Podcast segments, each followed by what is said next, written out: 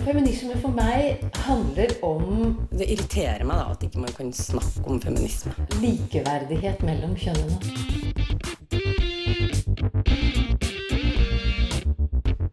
Det blikket på kvinnen på film. handlet det om å bli tatt på alvor som jente. Du hører på Et eget rom på Radio Nova. Syv år etter innføringen av sexkjøploven pågår fremdeles debatten om prostitusjon, legalisering, hjelpetiltak og årebruk. Vi skal snakke om prostitusjonsdebatten og hvordan Prosenteret jobber for å hjelpe de prostituerte.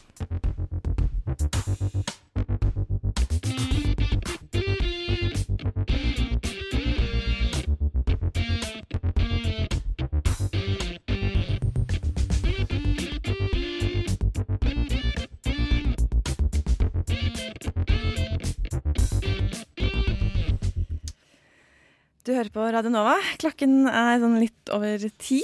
Og eh, de som skal holde deg med selskap den neste timen, det er Eline Hystad og meg selv, Lina Therese Rosenberg. Og det er altså prostitusjon som eh, det skal handle om i dag. Et eggedigent tema. Ja, det er jo altfor for stort for en time. Ja. Men vi har prøvd å snevre det litt inn. Så det blir litt sånn eh, debatt og litt sånn lovgivning og eh, folkeaksjon. Og så skal vi få høre litt om hvordan det er å jobbe eh, med de som særlig er gateprostituerte. Eh, vi får besøk fra Prosenteret, som jobber veldig direkte med disse menneskene. Men vi starter litt sånn historisk. Eh, vi har snakket med postdoktor og historiker Trine Rogg Korsvik om eh, prostitusjonsdebatten slik den har foregått her i Norge. Og da har vi startet litt sånn tilbake i tid. For eh, det er lett å tenke at eh, denne debatten oppstår sånn på 70-80-tallet. Det forrige århundret. Men det har jo alltid vært prostitusjon. Det har jo alltid vært et problem som han har eh, snakket om. Jeg har hørt at det er verdens eldste yrke, men jeg tror jeg har hørt at det er en myte også. Ja, men det er ikke langt ifra. Jeg skjønner jo at det kan være. Det har jo alltid eksistert. Eh, Men vi har eh, gått tilbake til 1800-tallet og starter der. Og det som var debatten særlig på 1880-tallet. Kamp mot prostitusjon var jo veldig sentralt på slutten av 1800-tallet. Og det var liksom en del av den sedelighetsdebatten som du, mange sikkert har lært om på skolen. Og hvor, hvor det store spørsmålet dreide seg om samme seksualmoral skulle gjelde for kvinner og menn. rett og slett. Og hvor da også den offentlige prostitusjonen kom under debatt. Og ble sett på som veldig problematisk av eh, mange ulike grupper, egentlig. Altså det var jo heller ikke sånn at de bohemene syntes at prostitusjon var fint. Det var jo sånn at de så på det som et uttrykk for at det var så streng moral. Og at eh, menn ikke kunne Altså at, at eh, pene piker skulle være gift, for å si det sånn. At eh, Derfor så var det liksom den eneste muligheten for menn til å få sex. Det var via prostituerte. Og da var det liksom om å gjøre å få fri kjærlighet, så fikk man slutt på det. Og, og da var det jo også sånn at eh, de bohemene tok jo litt for gitt at eh, menn hadde sterkere seksualdrift enn kvinner også. Og det hadde de jo til felles med prestene, som ikke var for at det skulle være samme seksualmoral for kvinner og menn.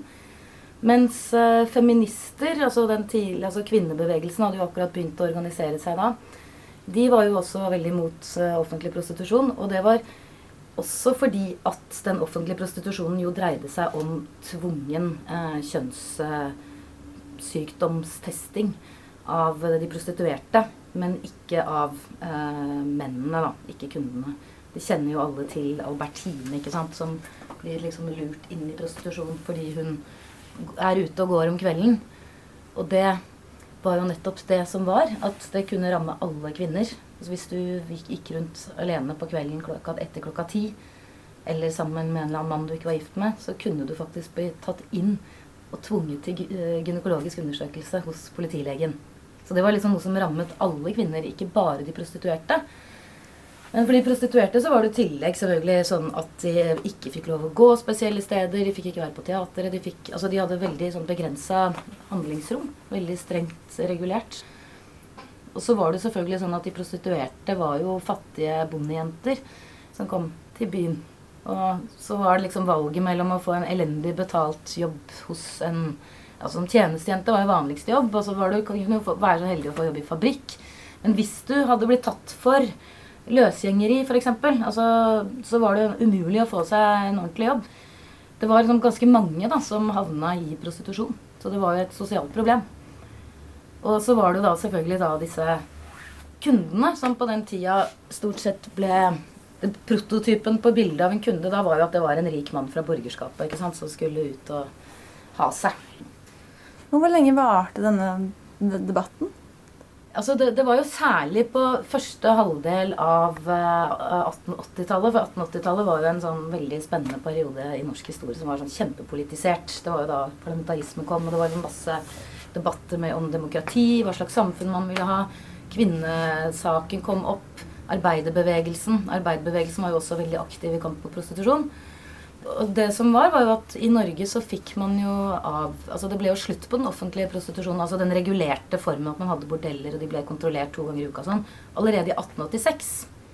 Så at man hadde det fra 1842, og så varte det til 1886 i Norge. Og da var argumentet at man skulle hindre at det ble spredd smitte.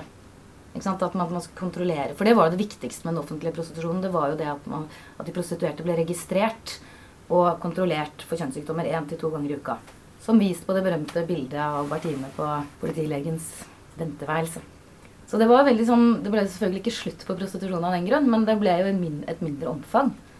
Og så, og så var det jo ikke så mye Altså det, det foregikk jo selvfølgelig prostitusjon, men det var jo ikke sånn veldig veldig mye av det, egentlig, i, i Norge i forhold til mange andre steder.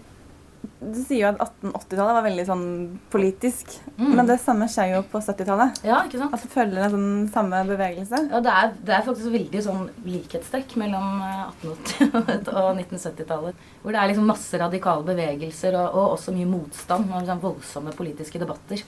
Som er en interessant parallell. Og det, det er klart at når det kom opp igjen på, på 70-tallet, så var det rett og slett eh, på mange måter en følge av pornokampen og, og at eh, feminister hadde begynt å politisere seksualitet veldig mye. ikke sant? Og liksom seksuell utnytting og, og sånne ting.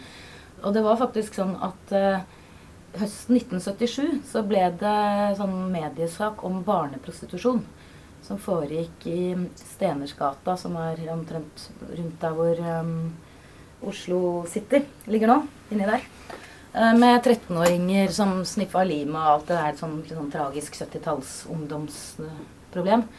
Som fikk enormt mye oppmerksomhet, og som gjorde at Oslo kommune og barnevernet og liksom diverse instanser satte i gang da et prosjekt som het Oslo-prosjektet, hvor, de- hvor de skulle liksom kartlegge uh, omfanget av prostitusjon. Men de ønsket jo at dette skulle ikke bare handle om barneprostituerte, men at det skulle handle om prostitusjon generelt, og det ble det jo da liksom etter hvert. Var det mye barneprostitusjon på 70-tallet? Altså, Jeg er ikke helt sikker på hvor mye det var, men altså, det fikk jo mye oppmerksomhet iallfall. Men sant, det er ganske viktig å huske på at det var jo ikke sånn at prostitusjon var akseptert egentlig sånn, i Norge sånn kulturelt sett på, på 70-tallet.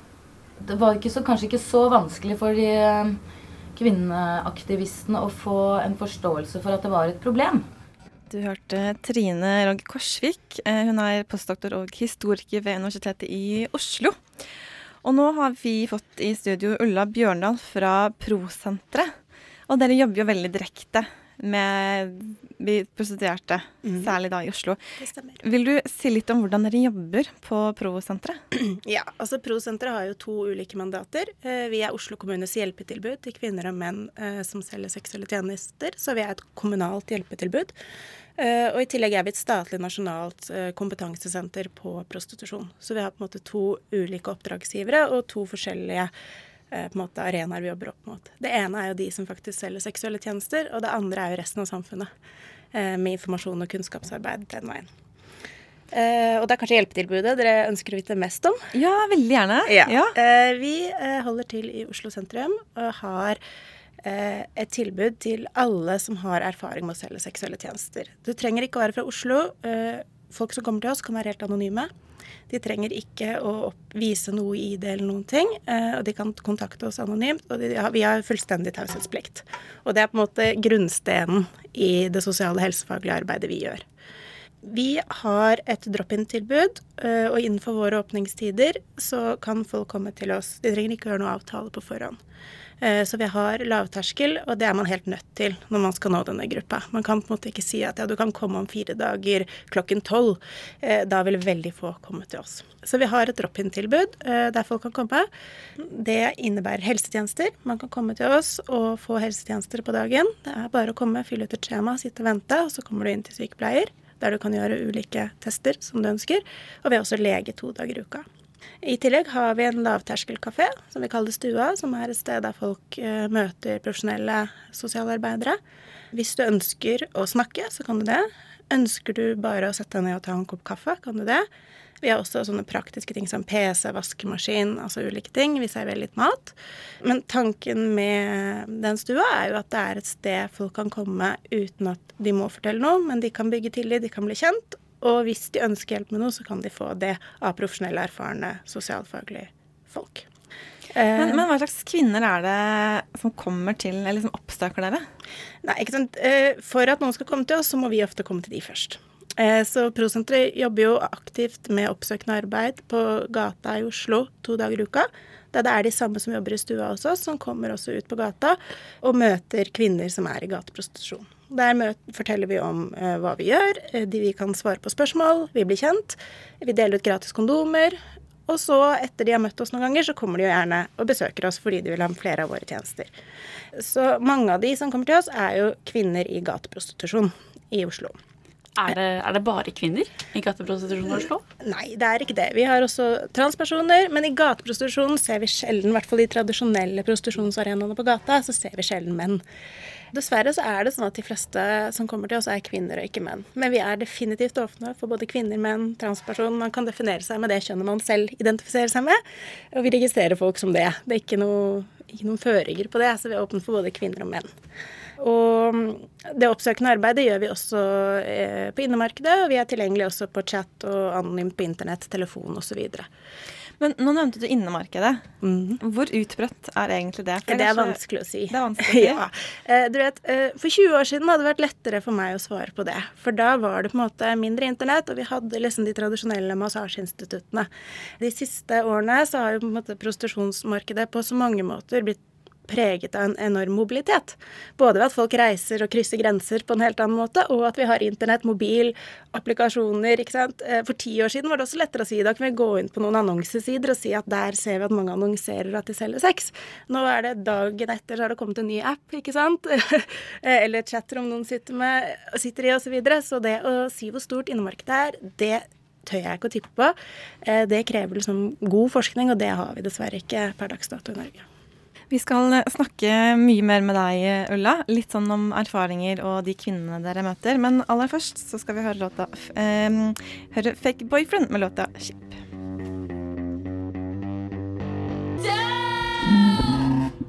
Fake Boyfriend hørte vi stemmene til her. Og du hører på et eget rom på Radio Nova som har besøk av Ulla Bjørndal fra Pro-senteret.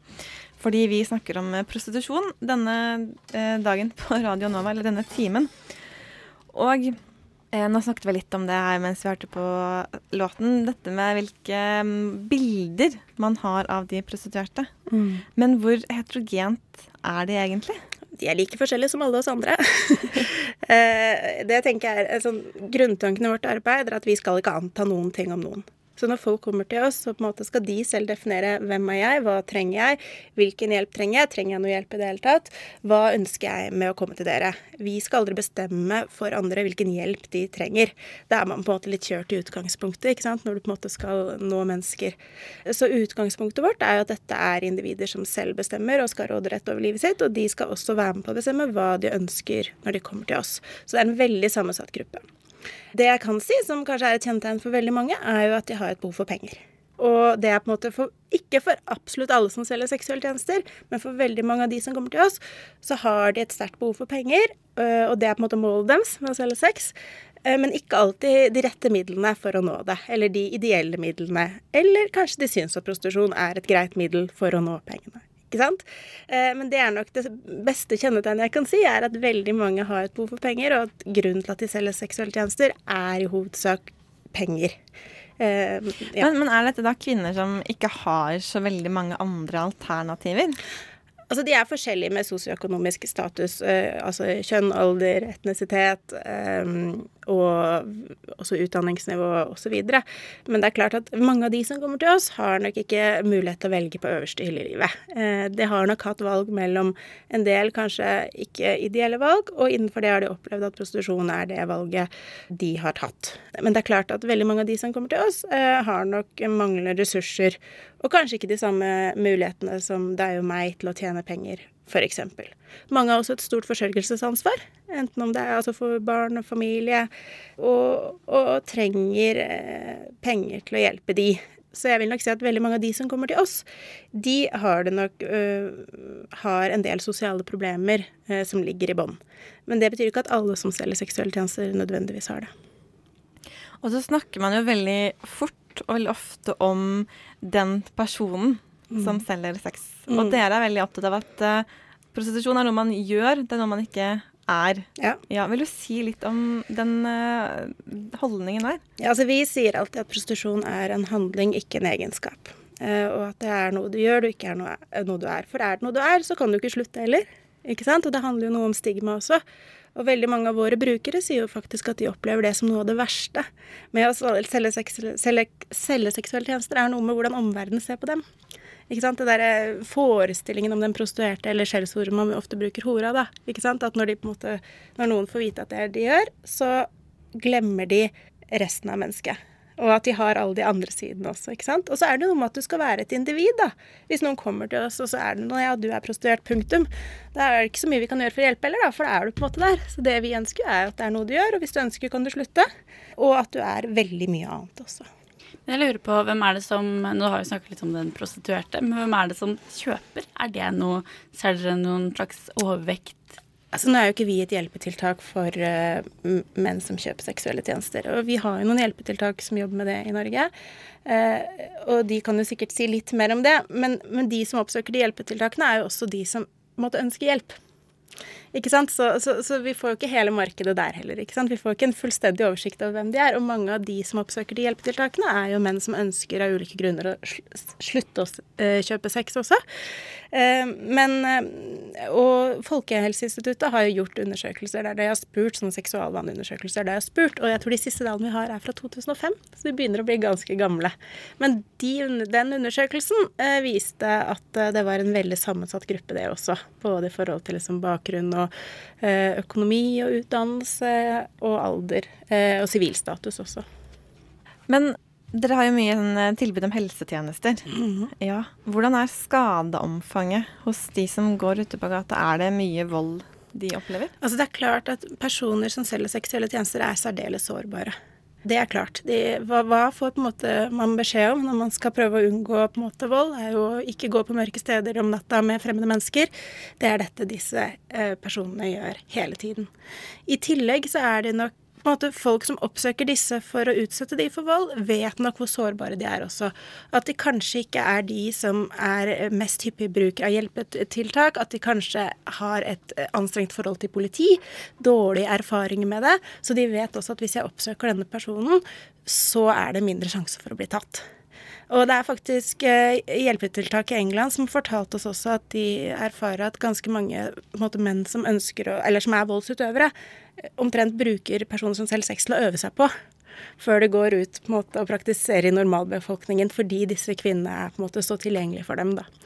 Så det er jo, Dette er en gruppe som er veldig sårbare for vold. Eh, og vi opplever jo at våre brukere utsettes for vold. Vi opplever at de opplever også mye trakassering og diskriminering når de beveger seg rundt i det offentlige rom. Så de opplever på en måte vold på så mange nivåer. Da, ikke sant? Alt fra en konstant trakassering fra folk som ser de på gata, eller hvordan andre snakker om de, til på en måte øh, for, øh, drapsforsøk og voldtekter og grov, grov vold. Og vi har gjort flere undersøkelser blant våre brukere der vi har spurt hvor har du opplevd vold i prostitusjon. Og der svarer jo veldig mange av våre brukere, over halvparten i de undersøkelsene vi har gjort, at de har opplevd det. Men det som er viktig å si, er at veldig mange av disse har også opplevd vold i privatlivet sitt. Og det sier nå også hvilke, hvor disse kvinnene kommer fra, og hvilken bakgrunn de har fra før av. Vi skal snakke enda litt mer om eh, disse erfaringene som de kommer til lære med. Mm. Men eh, aller først, her er Pomme Granates eh, med låta 'Pass Away'.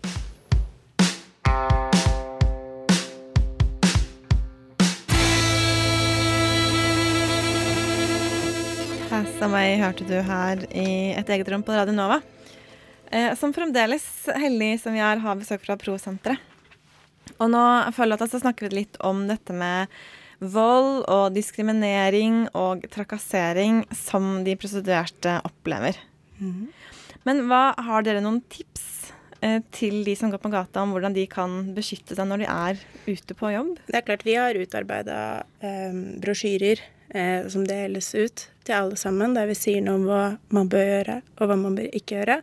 Også hva man skal gjøre hvis man er utsatt, hvor man kan få hjelp, hva som er lurt å gjøre, hva som er lurt å tenke på. Jeg, eh, og det gjør vi. Det deler vi ut. Og vi eh, gir også råd og veiledning når folk kommer til oss og sier det er ting jeg lurer på, hvordan kan jeg beskytte meg selv bedre? Enten om det er folk på gata, eller folk som for så vidt jobber i leilighet eller via internett.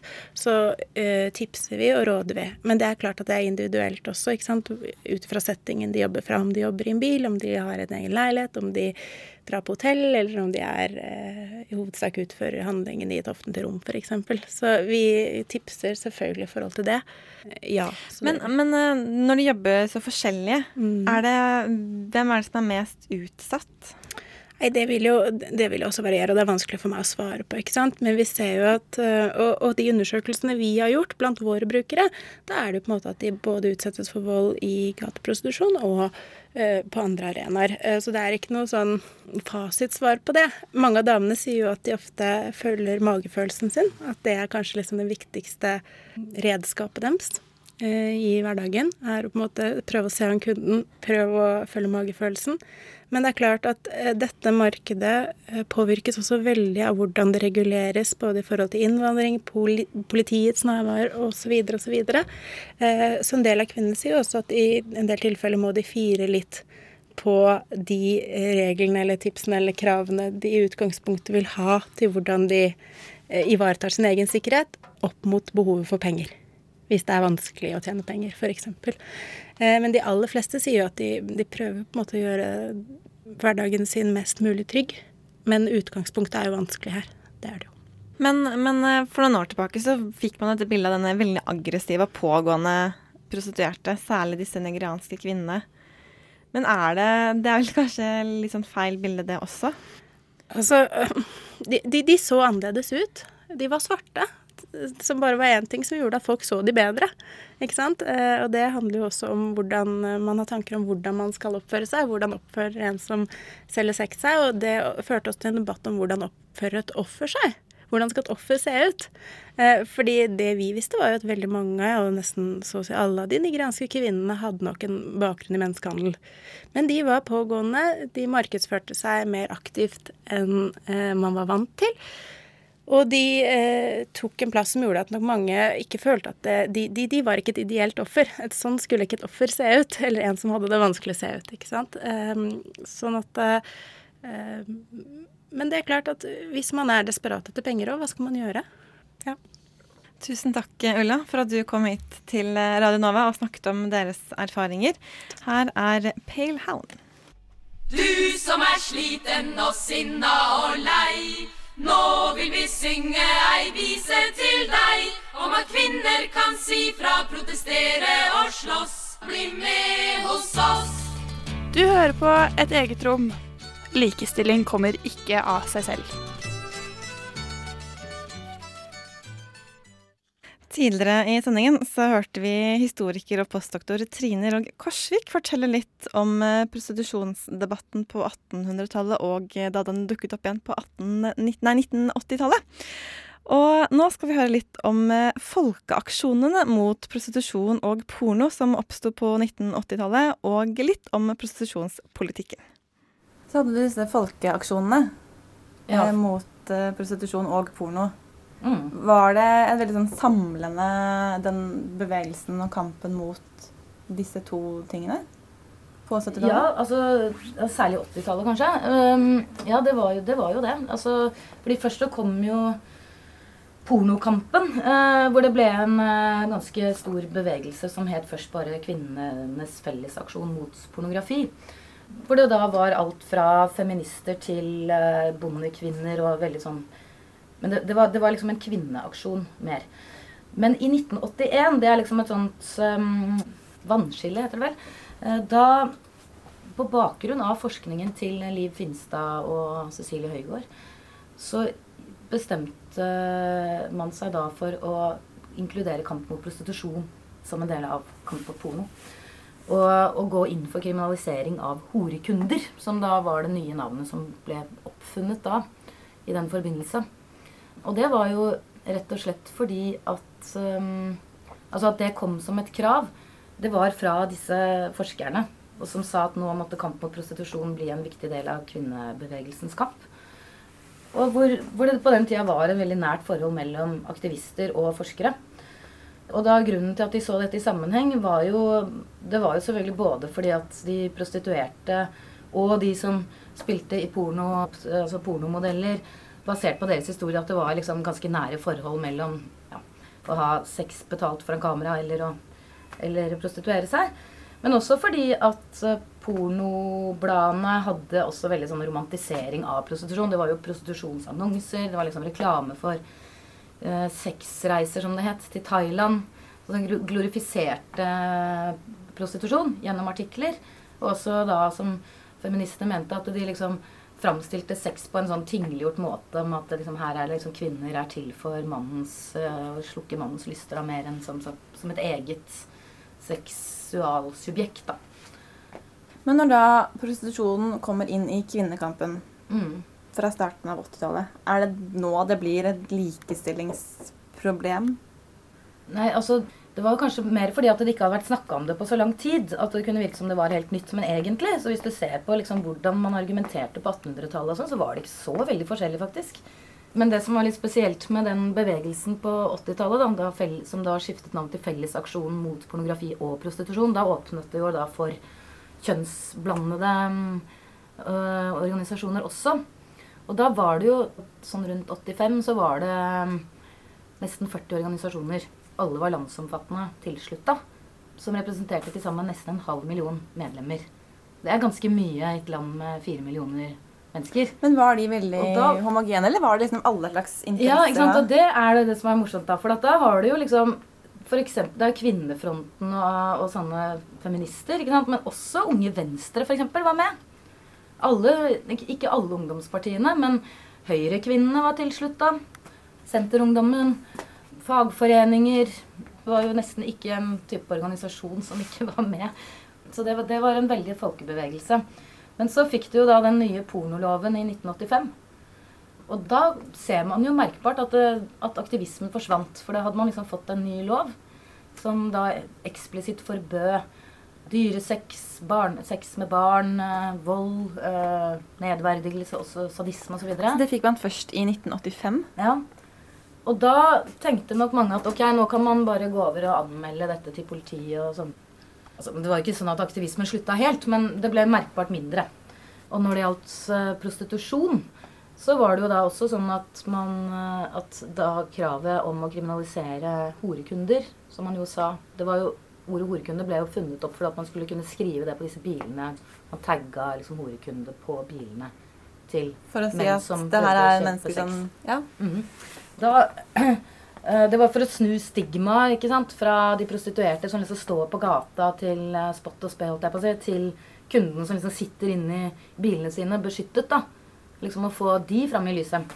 Og da ble jo eh, eh, kriminalisering av sexkjøp diskutert i Stortinget på, på begynnelsen av 80-tallet, 86. Altså det var flere runder, men det ble ikke vedtatt den gangen. Og det var veldig, en viktig grunn til det var jo at eh, politiet var imot fordi de ville at man skulle pri- prioritere narkotikaondet. Og ikke gå på liksom kundene. De mente at det ble for ressurskrevende. Så det var liksom hovedargumentet den gangen. Og så forsvant det litt sånn fra 80-tallet, og så ble det tatt opp igjen eh, av kvinnebevegelsen på slutten av 90-tallet, når Sverige vedtok sin sexkjøpslov i 1998. Så da så man til Sverige, så Mm. prøvde man samme i Norge. Da hadde det liksom vært borte fra debatten en tiårs tid. Og så ble det jo ekstra mye blest om det. Det er det jo ingen tvil om. At det at de nigerianske prostituerte kom til Oslo og da liksom hadde en såkalt pågående strategi, sånn at mange menn følte at de nærmest ble antastet på åpen gate. Og det var det en del som ikke likte. fordi Før så var liksom prostitusjon var litt mer i de der gatene nede i strøket, liksom. Men så at de begynte å komme opp på Karl Johan og spørre pene borgere, det, det syns jo en del var drøyt. sånn at det, det, er ikke tvil om at det bidro også til um, å få saken opp igjen, i tillegg til at feminister hadde mobilisert. Men også det at selvfølgelig historier om trafficking og menneskehandel og sånn kom mer opp på dagsordenen. Fordi tidligere, ikke sant, i, da det var en stor sak på begynnelsen av 80-tallet, så var det jo nesten bare norske prostituerte. Og veldig mange av de jo, var jo narkomane og finansierte stoffbruken sin gjennom prostitusjon. Sånn at da var det jo også litt mer sånn Det var min, mye mindre forhold. ikke sant? Det var mye mer kanskje litt sånn enklere å si at ok, vi ordner jobb og utdanning og sted å bo og bla, bla, bla, og avrusning og sånn. Så kan vi løse problemet der. Men på den måten istedenfor. Det var nok en del som tenkte sånn. Mens etter at denne prostitusjonen ble mer transnasjonal, så, så ble det et mye mer stort kompleks, da. Og mer synlig? Når det ble Det ble nok også mer synlig, ja. Mm. Mm. Det var Trine Rogge Korsvik, som er postdoktor og historiker ved Universitetet i Oslo, som du hørte et intervju med der. Jeg har eh, funnet frem denne loven. Sagnomsuste sexkjøpsloven? Ja. Og det er jo de som skaffer seg eller andre seksuell omgang eller handling ved vederlag, eller oppnår det, Eh, eller får noen til å utføre det, da kan man straffes. Slik at det er ingen fornærmet involvert til en del andre lover. da. Slik at den som selger sex, den anses som vitne. Og at den seksuelle tjenesten den uh, ses på som å anskaffe seg en ulovlig vare. Så det er en litt sånn særegen lov, i den forstand at det ikke er noe fornærmet, men bare et vitne? Ja, det er bare et vitne. Men så kan man jo Det kan jo diskuteres, da. Det ble jo sagt litt sånn da hun Ulla var på vei ut, at den eh, For å ta noen på fersken, så må man jo følge etter de som selger. Og da kan man jo kanskje tenke at de føler det litt annerledes mm. om akkurat det. Det er jo en lov som har vært utrolig mye debattert nå i det siste, da. Syns ja. jeg. Kanskje spesielt i etterkant av det her 8. mars-parolemøtet. Ja, dette med bordeller og litt sånne ting. Tyskland er vel det landet sammen med Nederland i Europa som det er mest liberale på der, og som legaliserte det her tidlig i 2000-tallet. Eh, og det, I Tyskland så ble det argumentert for at de ville gjøre arbeidsforholdene til de som selger sex, så gode som mulig. Mm, det er det eh, argumentet vi ser her i Norge også, ja. egentlig. Ja. Eh, så de skulle ha rettigheter til sykelønn og pensjoner. Så måtte de betale skatt. Eh, og det var veldig sånn uh, Nå har jeg lest sånne artikler om det, eh, og det sier bare en bitte liten del, og jeg vet ikke helt hvor sant det er det store bildet. Men der ble det sagt at det var store og gode intensjoner, og så falt det litt sammen. Og noe av grunnen er at på tidlig 2000-tall så var det flest tyske prostituerte som trengte penger. Mye av, mange folk var narkotikamisbrukere. Men når flere og flere land blir med i EU, så har det kommet flere ikke-tyskere. Altså det, mm, de som selger sex, det har blitt et mye mer uh, heterogent miljø. Og det er så mange flere årsaker. Slik at uh, alle intensjonene som var rettet mot en ganske spesiell gruppe, det falt jo sammen. Det virker jo generelt da, som et problem kanskje i denne debatten her, at man kan ikke snakke om de prostituerte som en, uh, en heterogen gruppe.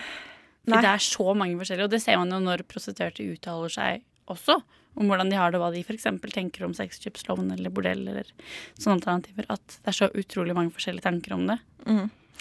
Lise Aspe hun har prøvd å finne ut hva de eh, borgerlige partiene vil. Eh, hun har gravd litt sånn i artikler og partiprogrammer. Vi skal høre hva, hva som egentlig argumenteres for når det gjelder dette med legalisering.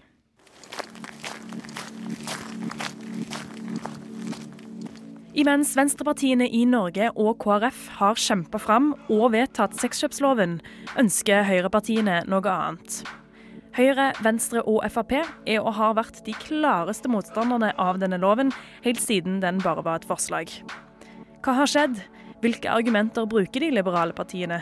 Og vil de gå så langt som å innføre bordeller? Jeg gir deg oversikten.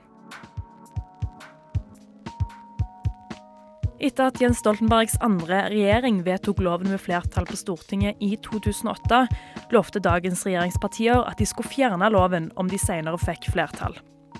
Høyre, Venstre og Frp programfesta avskaffelsen, og argumentene deres for dette var at de ønsker å gi de prostituerte flere rettigheter og større sikkerhet. At de ønsker å få ned gateprostitusjonen, noe de mente at loven bidro til det motsatte, nemlig mer synlig og aggressiv prostitusjonsvirksomhet som preger gatebildet i større grad enn tidligere. At markedet har forandra seg i kjøperens favør, og at det har blitt vanskeligere å være kvinnelig sexarbeider. At politikere ikke kan forby alt de ikke liker, og at de ikke kan lovfeste god moral. Og Tidligere i år sa Venstre-leder Trine Skei Grande at hun aldri har møtt en prostituert som ønsker å beholde denne loven. Så er det sånn at I perioden etter innføringen av sexkjøpsloven har det kommet to viktige rapporter. Den ene fra Prosenteret i 2012, som viste at vold mot kvinner i sexarbeiderbransjen har økt. Og den andre i 2014, som var dagens sittende regjering sin utredning av virkningene av sexkjøpsloven. Den ble gjennomført av analyseselskapet Vista Analyse og resulterte i en 200 siders rapport. Den kom fram til dette. Konklusjon. Forbudet mot kjøp av seksuelle tjenester demper etterspørselen og bidrar dermed til å redusere omfanget av prostitusjon i Norge. De økonomiske vilkårene for å drive med prostitusjon i Norge er blitt dårligere. Vi finner ingen indikasjon på at volden mot prostituerte har økt som følge av sexkjøpsloven. Sånn som situasjonen er i dag, så er det sånn at loven har blitt freda ut regjeringsperioden. Partiene valgte å følge rapporten som ble lagt fram av Vista Analyse, og ulike politikere har kommet med avventende og blanda svar på hva som blir veien videre, og hvor og hvordan de står. I regjeringserklæringen står det at bestemmelsen eventuelt skal evalueres, og at det skal legges fram en stortingsmelding. Noen som derimot kanskje har tatt et litt kontroversielt standpunkt om denne saken, det er de liberale partienes ungdomsorganisasjoner. De ønsker å lovliggjøre bordeller. FPU, Unge Venstre og Unge Høyre ønsker å innføre lovlige, statlig regulerte bordeller. Dette argumenteres for at da kan staten passe på at ting går som det skal, og de prostituerte blir som normale arbeidstakere. Unge Høyre sier bl.a. at erfaringer fra andre land viser at lovlige bordeller gir sexarbeiderne en større sikkerhet enn det et gatehjørne kan tilby, og det åpner bl.a. for muligheten til å organisere seg i fagforeninger. Vi hørte Lisa Aasbø om hva de liberale partiene i Norge mener om sexkjøpsloven, og hvorfor noen ungdomspartier vil lovliggjøre bordeller. Eh, og nå har jeg funnet litt ut om eh, For man snakker om den nordiske modellen. Eh, særlig knyttet til eh, Norge, Danmark, Finland og Sverige. Men den er ikke så eh, homogen som man kanskje tror. Og en av forskjellene er at i Sverige så har man veldig talt, eh, sosiale tiltak rettet mot det å få folk til å slutte å prostituere seg. Så det å dele ut gratis kondomer, f.eks., det er ikke de så fan av. For da er man med å støtte de prostituerte og det de, det de gjør. Eh, mens i Norge, Danmark og Finland så jobber man mer mot uh, dette med skadereduksjon. Og sikre, sikre, forholdene? Ja, og gi gratis medisinsk behandling eh, og ja, sånn, da. Sånn som prosenteret jobber? Sånn som prosenteret mm. jobber, da. Det er mer vanlig i de andre nordiske landene. Og, men det um, som er felles, det er jo den der at man prøver å kriminalisere den som kjøper. Og det går litt eh, motsatt retning av hva måtte, man gjør veldig mange andre steder i verden. da. Hvor når man skal kriminalisere, så er det den som selger, som blir kriminalisert. Eh, og ikke den som, som, kjøper. Men det er også sånn eh, Jeg fant en sånn oversikt som sier at hvis man prøver å kriminalisere begge deler, så er det den som selger som blir straffet hvis man blir tatt for det, og ikke den som kjøper, selv om begge to har gjort noe kriminelt. Eh, og det sier kanskje litt om hvordan man ser på de som selger sex. Mm. Som om de er prostituerte, og som noe de ikke gjør, kan Ja, man kanskje si. Ja, og og da blir det det svakeste punktet av de to som rammes. Man, man tar den svakeste, ja. Den svake parten. Den som kanskje ikke har så mange alternativer, da. Og så ble det jo en gedigen debatt da Amnesty gikk inn for å eh, avkriminalisere det her. Eh, det er jo ikke så lenge siden. Eh, og det er nok eh, også litt sånn eh, interne diskusjoner i Amnesty også. Men de har jo snakket om det med at eh, Eller i Norge så er det veldig tydelig på at selv om man skal legalisere det, så betyr ikke det at man tar bort hallikparagrafen. Og det kan være greit å påpeke, da.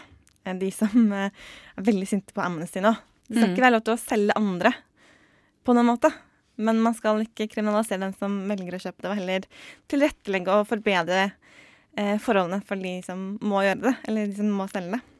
Det kan jo være et sånn fint punktum. Ja. Ja. Ja. Det låt eh, Chiara eh, med 'Gifted Gab'. Radio Nova. Chiara med 'Gifted Gab' og låta 'War' hørte du litt for den derre Radio Nova. Ja. Du har hørt det på et eget rom her på Studentkanalen siden klokken ti. Nå er det straks tid for A-lista. Eh, I studio så har du hørt Eline Hystad og meg selv, Lina Therese Rosenberg. Eh, Tekniker det har vært Åse Ava, og Lisa Aasbø har også bidratt til denne sendingen. Og på torsdag, Eline, da skjer det noe spennende. Ja, vi skal ut av studio igjen. Vi skal snakke, for det er noe som heter Novafest her på Radio Nova, som er Radio Nova sin helt egne festival. Og den skal være nå på torsdag til lørdag. Og på torsdag så skal vi ha sending om musikk og feminisme. Feminisme og musikk. Ja, eller likestilling, eller jeg vet ikke hva jeg skal si. Det blir i hvert fall musikk som er den store overskriften i, for den sendingen. Vi skal få besøk fra Koso og Fembrutal og Balansekunst, så det blir veldig gøy. De har sikkert mye fornuftig å si. Så kom hit på Kom hit. Chateau Neuf klokka seks. Og får du ikke det med deg live, så kan du bare høre på neste mandag. Da får du høre den sendingen. Vi sier eh, takk eh, for oss for denne gangen eh, med Olga Well og låten 'Incitation'.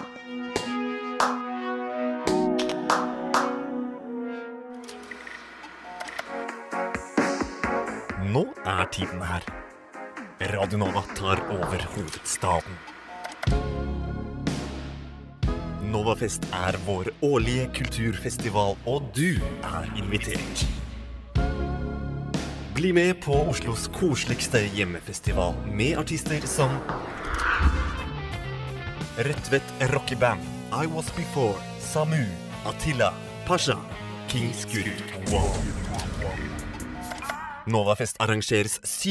til 9. april. For mer info besøk novafest.no.